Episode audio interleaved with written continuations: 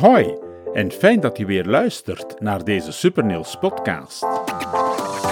Ik ben Robert Scheltjens en ik ben blij jullie mee te mogen nemen op deze trip vol informatie, inspiratie, tips en ideeën om, zelfs met leukemie, van het leven te kunnen genieten. Luister goed en haal eruit wat voor jou belangrijk is.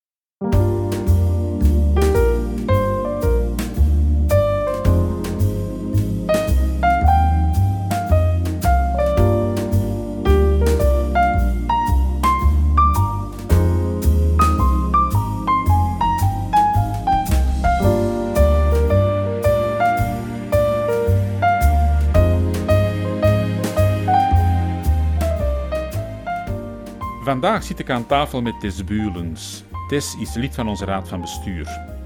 Tijdens het overlopen van ons actieplan voor de komende jaren bleven we even stilstaan bij de ontwikkeling van het kookboek voor kiemarme voeding. Ja, en ik vroeg me meteen af, wat is een kiemarme voeding en waarvoor is dat dan zo nodig? Ja, bij wie konden we het antwoord beter vinden dan bij Marina Rijgaards? Zij is diëtiste bij het UZ Gent. Ik contacteerde haar en kreeg antwoorden op de vele vragen die we hadden. Zo in de eerste plaats dus over kiemarme voeding.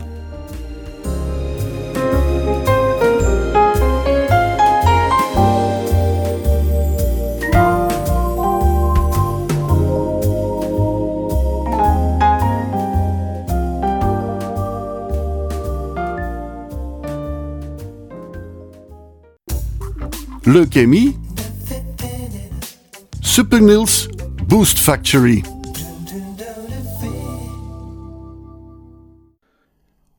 Hoi Marina, blij dat we je even mochten contacteren tussen je zeer drukke bezigheden. Uh, Tess en ik zelf, maar waarschijnlijk ook heel wat patiënten en hun familieleden, zitten met vragen over kiemvrije voeding. Kan jij ons daar wat meer over vertellen? Het is niet kiemvrij, het is een kiemarme voeding. Omdat je sowieso geen steriele voeding kunt eten. Dat bestaat niet. Mhm. Je hebt ehm, altijd toch ergens een bepaald kiemgetal in je voeding. Maar je probeert het in de kiemarme voeding zo laag mogelijk te houden. Dus dat is de bedoeling. Ik moet zeggen, ik, ik leg toch veel uit en ik probeer ook veel te nuanceren naar gelang de patiënt die voor mij is. Uh, ik probeer ook uit te leggen waarom die kiemarme voeding nodig is. De patiënten die een, een chemo krijgen, die hebben sowieso minder weerstand. Dus die gaan gevoeliger zijn voor voedselinfecties, voedselintoxicaties. Dus we proberen de patiënt een beetje te beschermen ten opzichte van de buitenwereld. En in feite, de voeding die maakt daar deel uit van, van de buitenwereld. In de voeding gaat je, in de lucht en in de grond ook, hè, dus lucht-grondvoeding, daar gaat je altijd bacteriën, virussen, schimmels, uh, gisten vinden. Dus uh, het is om de patiënt te beschermen dat we een kiemarme voeding voorstellen. Ik zeg ook altijd, het is niet omdat je een risicoproduct gaat gebruiken, dat je daardoor ze gaat ziek worden. Dus je, hebt een verhoogd risico als je dat zou, zou nemen.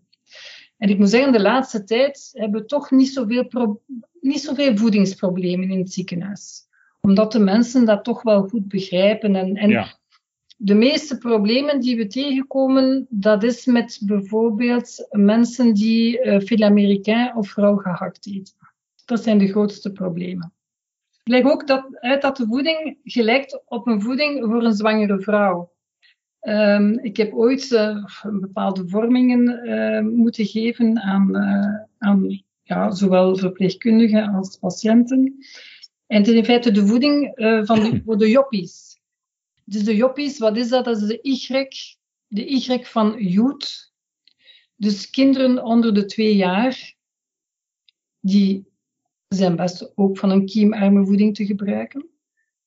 Dan heb je de O van older people. Dus dat zijn dan hoogbejaarde mensen die toch ook Mhm. minder weerstand hebben. Dan heb je de P van pregnant. Dus ja, inderdaad, het, is een, het gelijkt een beetje op de voeding van een zwangere vrouw. En dan heb je de I van um, immunogecompromitteerde patiënten. Dus dat zijn de mensen die transplantaties hebben of chemo krijgen. Wat is eigenlijk de definitie van kiemarm? koken? Is dat gewoon dat er eh, ja, minder kans op besmetting is? Of? Zo, een voeding met zo weinig mogelijk bacteriën, virussen, schimmels en gisten. Een, een vraag die, die bij jonge mensen denk ik ook wel eens naar boven komt. Hè? Ja, moet ik dat heel een tijd doen of mag ik zo al eens één keertje overslaan? Ja, maar dan leg ik een beetje de verantwoordelijkheid bij de patiënt zelf. Hè. Ik zeg, oké, als jij dat doet, dan neemde jij een verhoogd Risico. risico. Dat kan goed zijn dat je daar niet ziek van bent, maar dat kan ook zijn van wel. Dus ehm, ja, wij geven die adviezen voor het hele traject. Mhm, Dat is duidelijk. Die kiemarme voeding en niet kiemvrij, hè, Robert, is dus echt wel nodig voor de leukemiepatiënten om besmettingen via het voedsel te vermijden. Alleszins de kans erop flink te verminderen. Ja, voor onze Niels hebben we dus jaren kiemarm gekookt.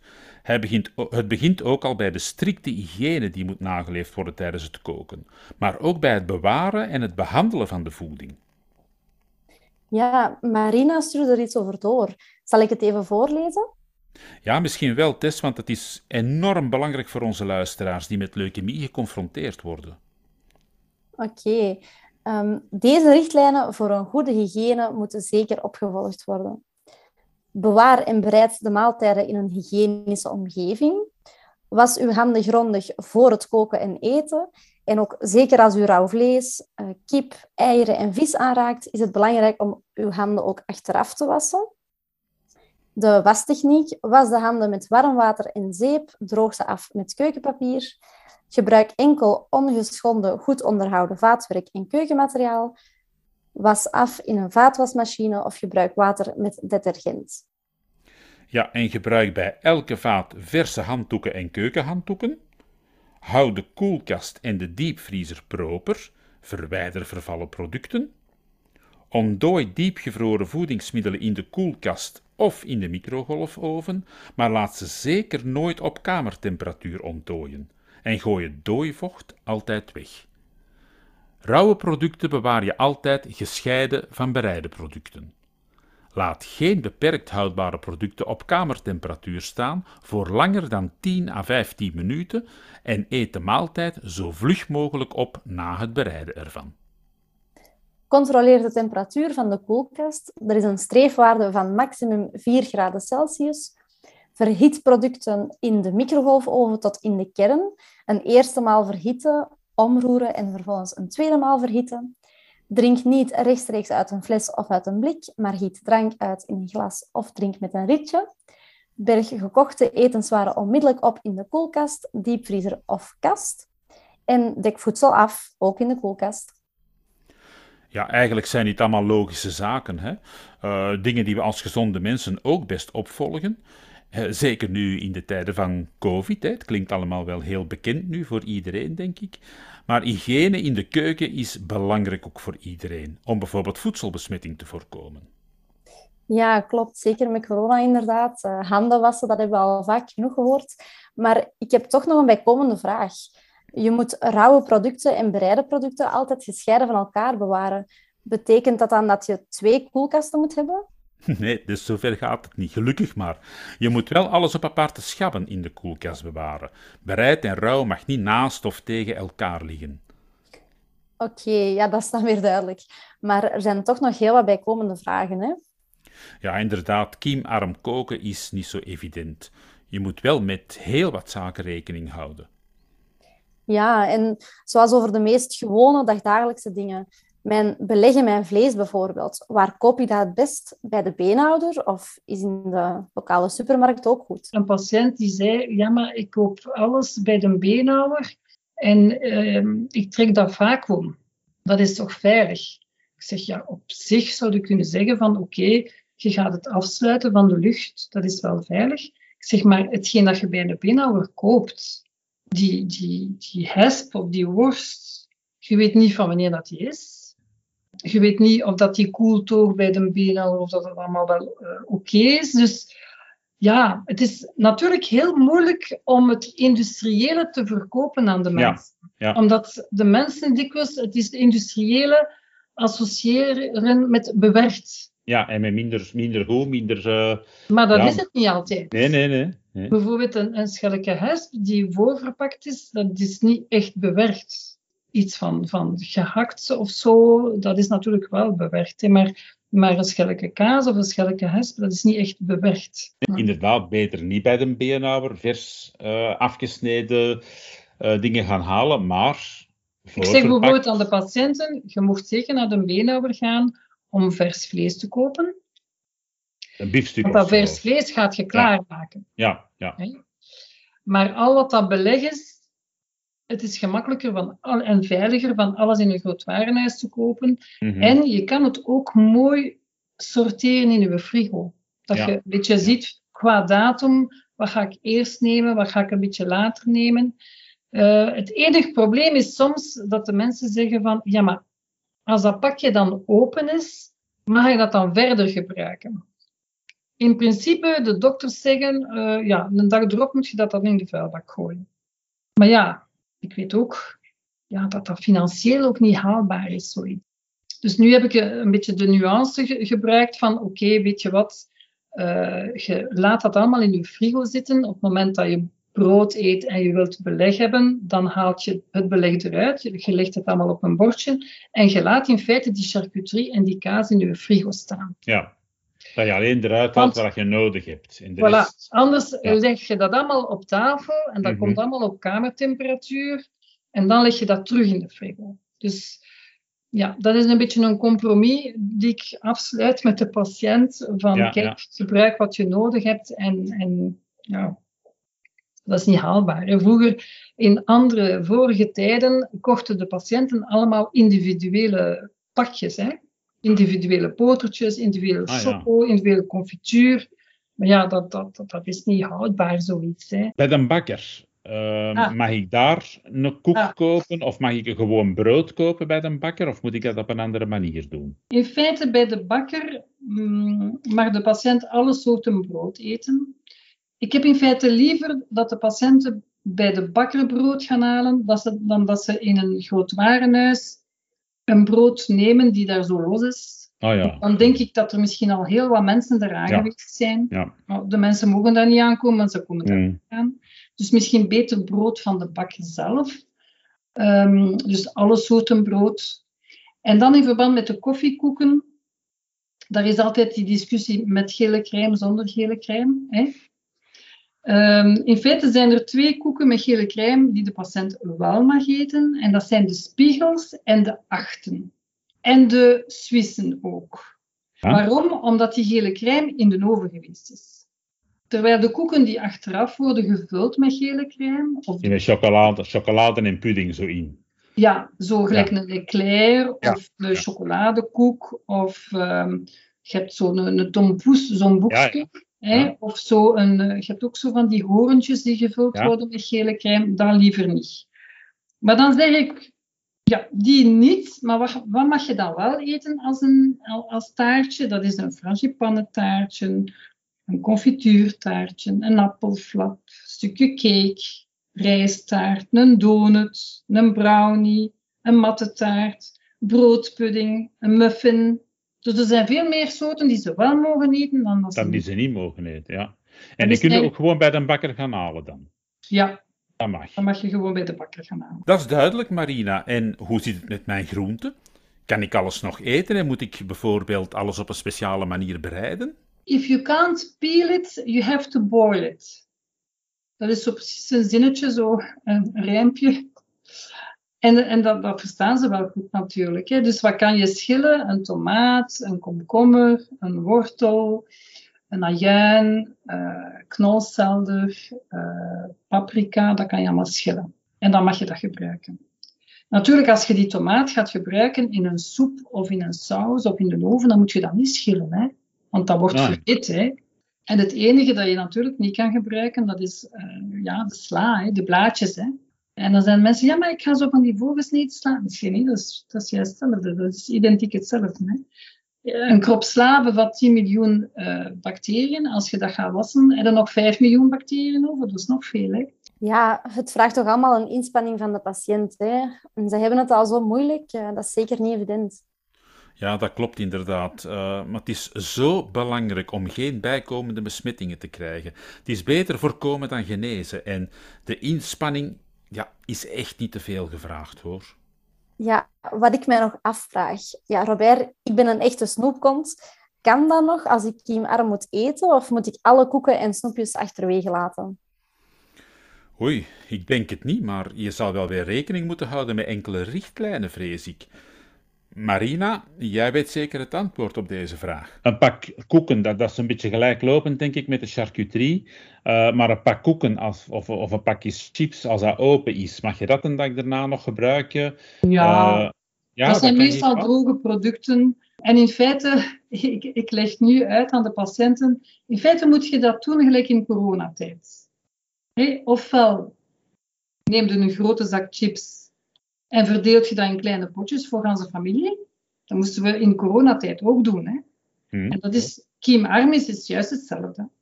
Ofwel deelt je je zak in kleine potjes, ofwel koop je kleine zakjes. Dat kan je ook doen.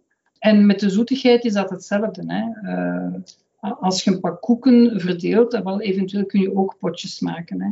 Maar het is niet zo dat een pak koeken binnen de, de, de twee dagen op moet zijn. Nee, dat, is, dat zijn meestal droge producten die lang goed blijven. De snoepjes. Het is niet goed om bulkproducten te gebruiken.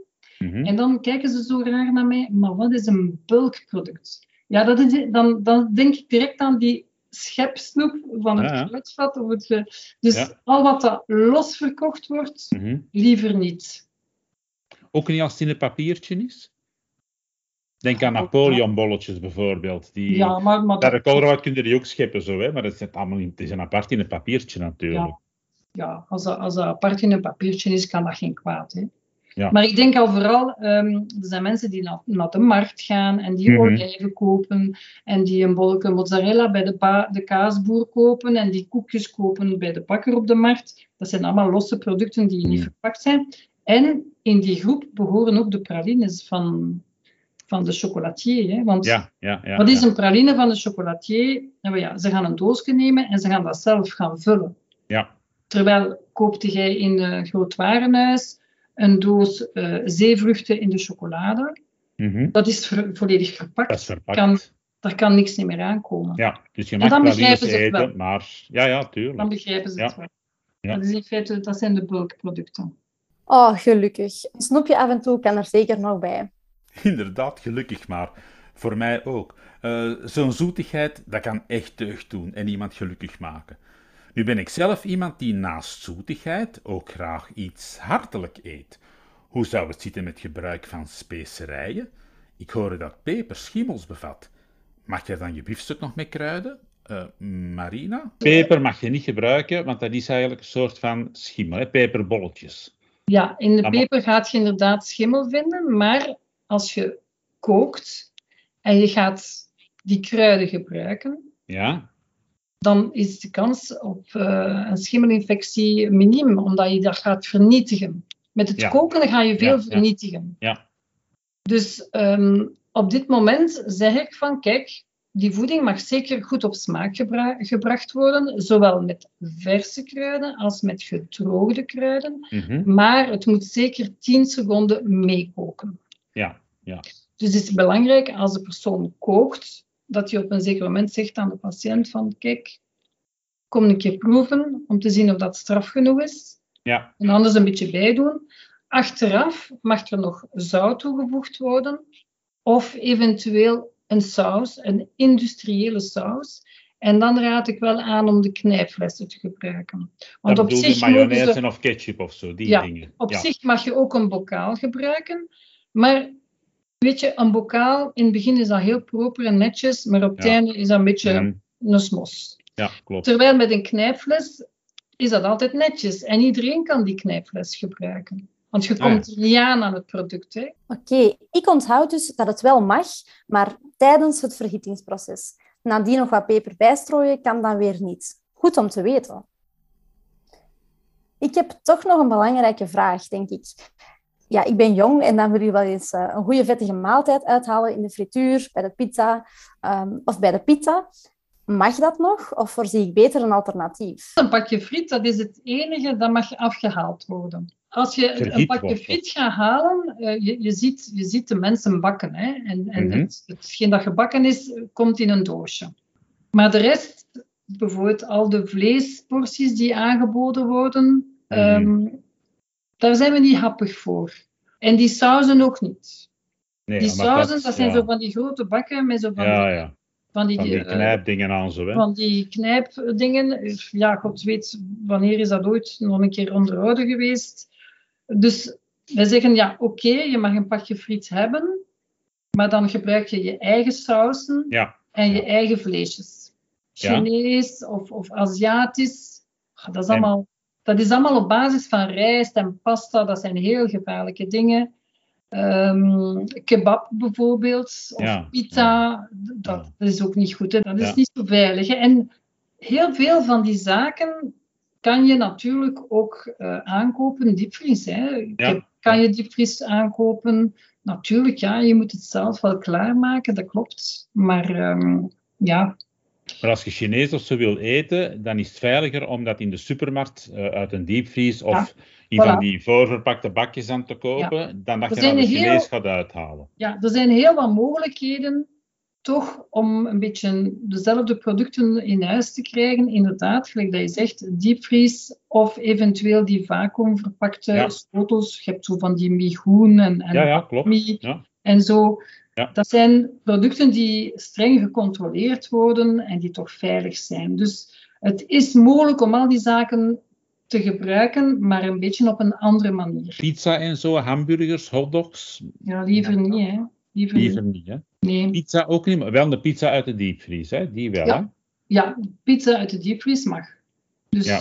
ja. Maar naar Pizza Hut gaan of uh, de, de pizzafoon bellen en de pizza laten thuisbrengen, Nee, zeker niet. Hè. Zeker niet iets laten thuis brengen, hè, want dat transport is niet oké. Okay. Ja, omdat dan die uh, afkoeling er is en uh, die hygiëne ook. Ja, nee, dat zou ik niet doen. Ja, dat was een beetje te verwachten natuurlijk. Hè. De lekkere uithaal Chinees, waar je steeds voor twee dagen eten krijgt, ja, die moet dan maar vervangen worden door de kant-en-klare maaltijden van de supermarkt. Ook lekker, maar de porties zijn wel kleiner. Ja, uh, het doet mij ook nog denken aan gisteren. Ik ben toen met mijn vrienden sushi gaan eten dat is toch ook wel lekker, hè? Ik hou van rauwe visgerechten, maar ook oesters, mosselen en schaaldieren in het algemeen vind ik super lekker. En vis is gezond. Dat zou je dan toch mogen eten hè, bij voeding, of niet? Dat is iets dat ik de laatste tijd, de laatste jaren, wel ook een beetje nuanceer. Uh, de schelpen, dan zeg ik aan de patiënt van, er moet daar maar één slechte tussen zitten en je gaat daar echt heel ziek van zijn. Mhm. Dus dat snappen ze. En dan voor de schaaldieren probeer ik dat een beetje te nuanceren. Uh, het mag wel in de oven, bijvoorbeeld in een vispannetje.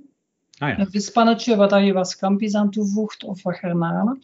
Mm Of dan in de frietpot, uh, bijvoorbeeld een scampi fritti of een, een garnaalkroketje.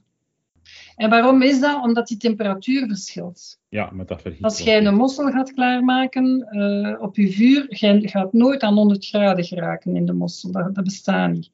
Maar in je oven of in de frietpot gaat het toch zitten tussen de 175 à 200 graden. Dat is al veel. Hè? Ja, dus ja. daar sta ik dan wel toe. Oké. Dat is dan... Ja, dus ja. dat- sushi denk ik dat ik het antwoord ook al wel weet. Maar de sushi, wat is dat? Dat is een soort ehm, dun eh, blaadje zeewieren. Dat is oké. Ah ja, Eh, de, de rijst die daarin zit, ja, als dat in de goede hygiënische omstandigheden gekookt wordt, is dat ook oké. En dan, wat kan daarin zitten? Ehm daar kan bijvoorbeeld een stukje avocado in zitten. Want een avocado kan je schillen. Dus dat mag. Ja. Daar kan ook een stukje surimi in zitten, want surimi dat is Ja. niet echt krab, dat is een valse krab. En, Ja. en dat is het een beetje, hè, want anders je kunt geen rauwe vis gebruiken. Hè. Het moet iets eh, bijna plantaardig zijn. Zo. Goh, ik ben niet zo'n fan van al dat sushi-gebeuren. Eh, ik ben meer een vleeseter. Zo'n goed stukje rood vlees met wat bloed op mijn bord. Niet te hard gebakken. Mm, dat kan smaken. Maar ja, zou dat dan wel mogen binnen de kiemarme voeding? Ik vrees ervoor. En wel, dan, dat heb ik nu ook al genuanceerd, want de mensen zeggen, ja, maar als ik mijn biefstuk moet doorbakken, dan moet ik niet meer hebben. En ja, dat kan ik geloven als je altijd graag een, een bleu of een signaal hebt. Ik zeg, kijk, zeg, het moet geen schoenzool zijn. Uh, en dan heb ik gevraagd, want we hebben vorig jaar samengewerkt met een professor van, uh, van uh, de Universiteit van Gent in verband met onze nieuwe lijst. En ik zeg, een biefstuk, wat mag dat zijn? En ze heeft gezegd, een biefstuk à point. Maar à point, wat is dat? Als je daarop duwt, dat in feite het sap dat eruit komt, dat dat geen bloed meer is. Maar dat is dan nog een lichtjes rosé van binnen. Ah, zeg Robert, ben ik nog vergeten te vragen. Moet jij iets drinken, een pintje? Ja, ik dacht het al, is. Waar blijft het eigenlijk? Maar ja, graag, graag. Maar wat ik me dan ook meteen afvraag, uh, bier, alcohol, mag dat gedronken worden bij een kiemarm dieet? Of moeten we ons dan beperken tot water en frisdrank? Uh, wel, normaal gezien um, zeg ik altijd aan de patiënt dat uh, alcohol, dat dat in feite eerst moet gevraagd worden aan de dokter. Omdat dikwijls medicatie neemt, ja. wat er geen goede combinatie is met alcohol.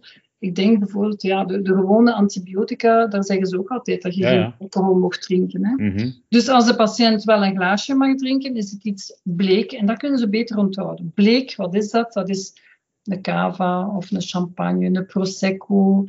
Uh, en dan heb je van bier pils, dat is iets mm bleek. Ja, ja. En van wijn is het de witte wijn. Ik vind dat dat een, een ruime keuze is. En dan ja, vragen ze, ja, en een Campari en een whisky en dit en dat. Ja, dat kan natuurlijk ook als dat mag van de dokter. Hè, want ja. We hebben nu al heel wat bijgeleerd over die kiemarme voeding. Maar wat ik me nog afvraag is of je in je gezin nu twee keer moet gaan koken. Eén keer voor de patiënt en één keer voor de andere. Of zou iedereen van dezelfde maaltijd mogen eten? En mogen de potten gewoon op tafel gezet worden? Dat mag wel, want als ik mijn pot op tafel doe, dan zit daar een grote lepel in. Ja. En niet, iedereen neemt met de grote lepel naar zijn bord. En, en, en die grote lepel doe je niet in je mond. Nee, nee. Dus dat mag wel. Hè? Dat mag wel. Dus in principe kan iedereen mee eten, want dat is een van je vragen ook. Ja. Iedereen kan gewoon mee eten met de kiemarmoevoeding. Hè? Ik denk als iedereen gewoon mee eet, dan gaat de patiënt zich niet als een uitzondering uh, beschouwen. Hè? Dat is ook niet leuk. Hè? Goed om te weten alweer. Ik heb uh, nog een laatste vraag voor Marina. Ik hoorde dat noten erg gezond kunnen zijn. Passen ze binnen het schema van de kiemarme voeding? Wat is nu het notenseizoen? Hè? Mensen hebben soms een notelaar buiten staan mm -hmm. en hebben zin om die walnoten te gebruiken. Dus noten, dat mag, maar die moeten geroosterd zijn.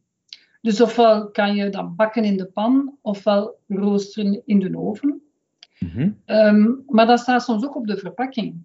Geroosterde pinda's, geroosterde amandelen, geroosterde cashews. Mm -hmm. Ja, en in feite is dat een heel goed product. Waarom? Omdat dat veel calorieën geeft. Dus iemand die, die niet veel kan eten, moet vooral dingen eten die veel calorieën bevatten. Ja, en die noten zijn daar wel ook uh, bij.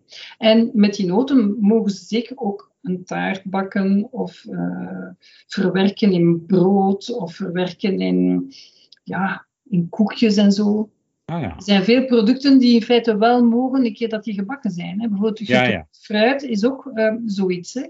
Dus gedroogde rozijnen zijn niet goed. Maar als die gedroogde rozijnen gebakken zijn in brood of in een boterkoek, dan mag dat wel. Of gebakken in een koekje, dat mag ook. Omdat die dan verhit zijn en dat Omdat je dan de mogelijke kiemen daarin... Ja, bijvoorbeeld honing, dat moet je niet smeren op je boterham. Mm Maar dat mag je wel gebruiken als dat verhit is. Gebakken in een koekje, gebakken in taart, zijn, of, of verhit in een saus. Als het verhit is, is het ah, ja. Wat denk je, Tess? Weten we voldoende nu over die kiemarme voeding? Ja, volgens mij was dit uh, een zeer nuttige en relevante uitzending, Robert. Iets waaraan de mensen zeker ondersteuning zullen hebben. Leukemie. Supernils Boost Factory.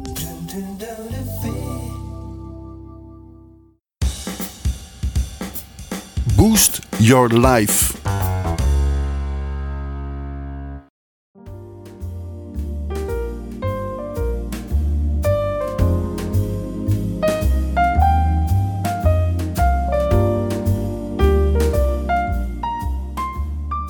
Zo, beste luisteraars, dit was het dan weer. In deze aflevering leerden we heel wat over kiemarme voeding.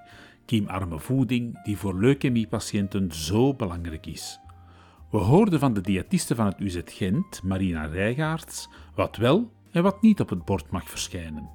En we beseffen dat dit enorm veel informatie is, veel te veel om te onthouden.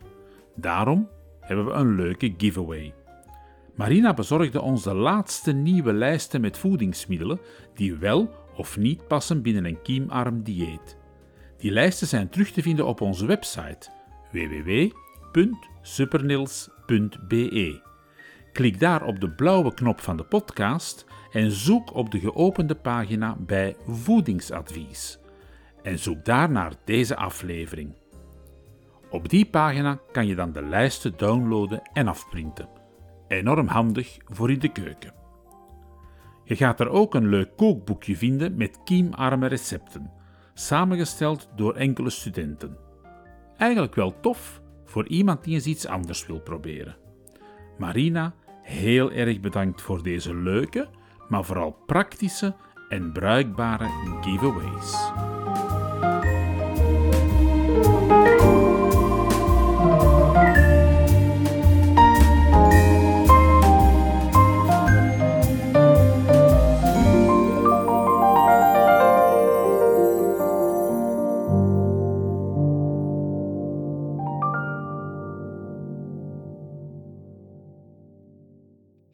Make Our Day. We zijn weer bijna aan het einde gekomen van deze podcastaflevering. En beste luisteraars, we blijven jullie hulp nodig hebben. Podcasten doe je immers niet alleen. Dus heb je nog nieuwe ideeën waarmee we leuke afleveringen kunnen maken? Laat het ons dan zeker weten via de online community, de Leukemie Supernils Boost Factory. Wij gaan er dan zeker mee aan de slag. Verder zijn we nog op zoek naar nieuwe recepten met kiemarme voeding. We willen immers een mooi kookboek samenstellen met recepten, boodschappenlijstjes en leuke foto's of tekeningen. Stuur ze op naar info.supernils.be en wij doen de rest. Alvast een dikke dankjewel voor je hulp.